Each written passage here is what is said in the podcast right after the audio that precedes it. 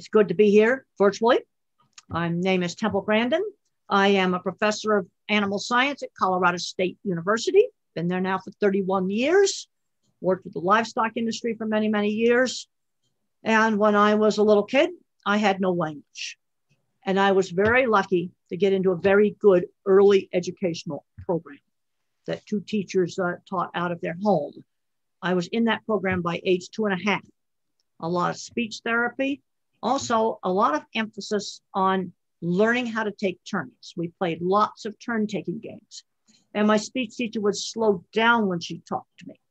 You know, like she'd hold up a cup and she'd say cup, and then she'd say cup, where she slowed down and giving me time to respond.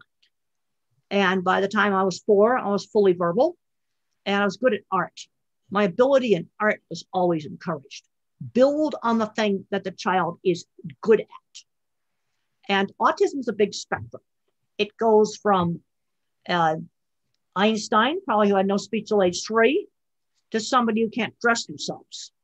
I have worked in the livestock industry for years and years, and I've worked with uh, engineers that I know are on the spectrum, uh, people that build equipment for industry that are on the spectrum. So at one end of the spectrum, you can have all this talent, and at the other end of the spectrum, um, they can't dress themselves. And it's all got the same word. Now, on the fully verbal end of the spectrum, there's kind of three kinds of thinking. I'm an object visualizer. Everything I think about is a picture. And that was shown very nicely in the HBO movie Temple Grandin. Another kind of mind is the more mathematical thinker. These are the computer programmers. They think in patterns. And then there is the word thinker who thinks in words. And there's research that shows that these different kinds of thinking exist. And I talk about that in my book, The Autistic Brain, shows the research. And in Thinking in Pictures, that um, uh, explain how I think. But there are these three kinds of minds. They're good at one thing and they're bad at something else. We need to work on the thing they're good at so we can turn it into a job. Because I have worked with many people that would be undiagnosed autistic that have their own businesses in industrial equipment. And they start out with just a high school education and now they have a private jet. I've been on. Now, these people are um, uh, un, un, not officially diagnosed, but I know autistic when I see it. In fact, one of them, we spent half an hour discussing what labels would have been put on them. He would have gotten a whole bunch of labels oppositional, defiant, dyslexic, autistic, you name it. He would have been these labels. Because another thing I've been saying when I do talks, uh, when I do live talks, I put up a PowerPoint slide about grandfathers that find out that they're on the autism spectrum when their grandchildren are diagnosed. And then they discover that they're probably undiagnosed on the spectrum. And that grandfather's had a decent job. One of them was in Houston, NASA space scientist, or a computer programmer, or an accountant, or artist, or some other decent job. And this gets back to learning working skills. I'm seeing too many kids are not learning working skills. And, and we got to teach that how to do a task outside the home on a schedule. Now, the other big issue is sensory problems. And those are very variable. People talk about masking, where it's just, uh, they just get sensory overloaded in different environments. Most of that is a sensory problem. That would be my, my top area for research. But I want to say these individuals get out and be everything they can be. Because I'm in a situation where I'll be at an autism conference, and then I'm over in, in a factory seeing equipment that somebody on the spectrum has made, or they've made the electronic controls for that piece of industrial equipment. And people get too hung up on the label. You see, as a visual thinker, I, I see this eight year old child, and he looks like the junior of a programmer I saw at a big brand name tech company. So one day I'm at the tech company, next day I'm at the autism meeting. No, we got to help these kids be everything that can be. I'm seeing too many kids are not learning basic skills like shopping. Now, what we have to do is stretch them and give them choices. You don't force them into some big sensory overload. That you don't do. But I'm but you just step by step get them doing more independent things because I want to see them get out there and just um, be successful. thank you, Dr. Grandin.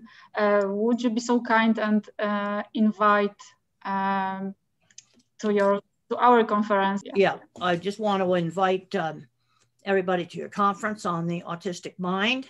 As I mentioned before, autism is a big spectrum. Now you have the nonverbal end of the spectrum. Some of these individuals, even though they have trouble controlling mo movement, can learn to type independently.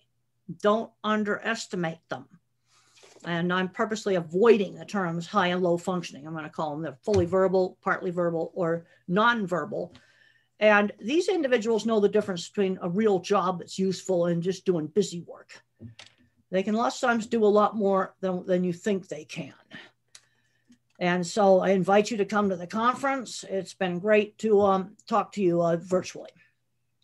Thank you. Thank you, Dr. Grandin. So uh, our conference, and uh, we really hope to see you safe and healthy um, in March 2022 uh, on our conference, Autistic Minds in Digital World. Thank you, Dr. Grandin, again for um, agreeing to, to come to Poland. And um, I, I really can't wait to see you here alive in person in Warsaw. Well, we've, yeah, we've, um, I, I think a lot of parents have, you know, you get, see, the problem is you get a little kid. When I was three, I looked really bad. I had all the symptoms. I, uh, no speech, screaming all the time, you know, repetitive behavior. See, this is the problem. When the kids are little, uh, they they you know and let's say you work on them really hard with early education. Some of them you kind of pull them out of it and some of them you don't. You see you just don't know at that stage. Now when i was a little kid i was originally taken to a neurologist who checked me out for epilepsy and deafness. Another thing you got to do these little ones you have to check them for deafness. Absolutely have to check them for that. And that was done with me. And I was fortunate to go to a neurologist, not a psychologist or a psychiatrist. It was a neurologist. And uh, she knew these two teachers that had a little speech therapy school. So I had extremely good early education. Because the worst thing you can do with a kid who doesn't talk is to let them just sit in the corner and, and watch electronics all day. Yeah.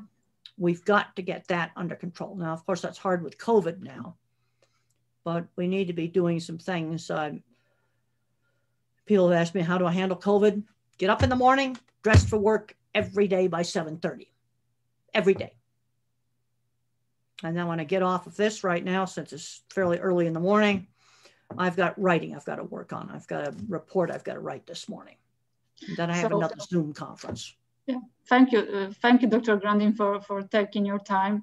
And uh, again, thank you. And uh, really, I can't wait to see you in Warsaw next year. Um, and uh, stay safe, healthy, and thank you again for for uh, for this conversation. And uh, have a nice day, and and see you see you soon. Thank you very much. Okay, I'm going to leave the meeting.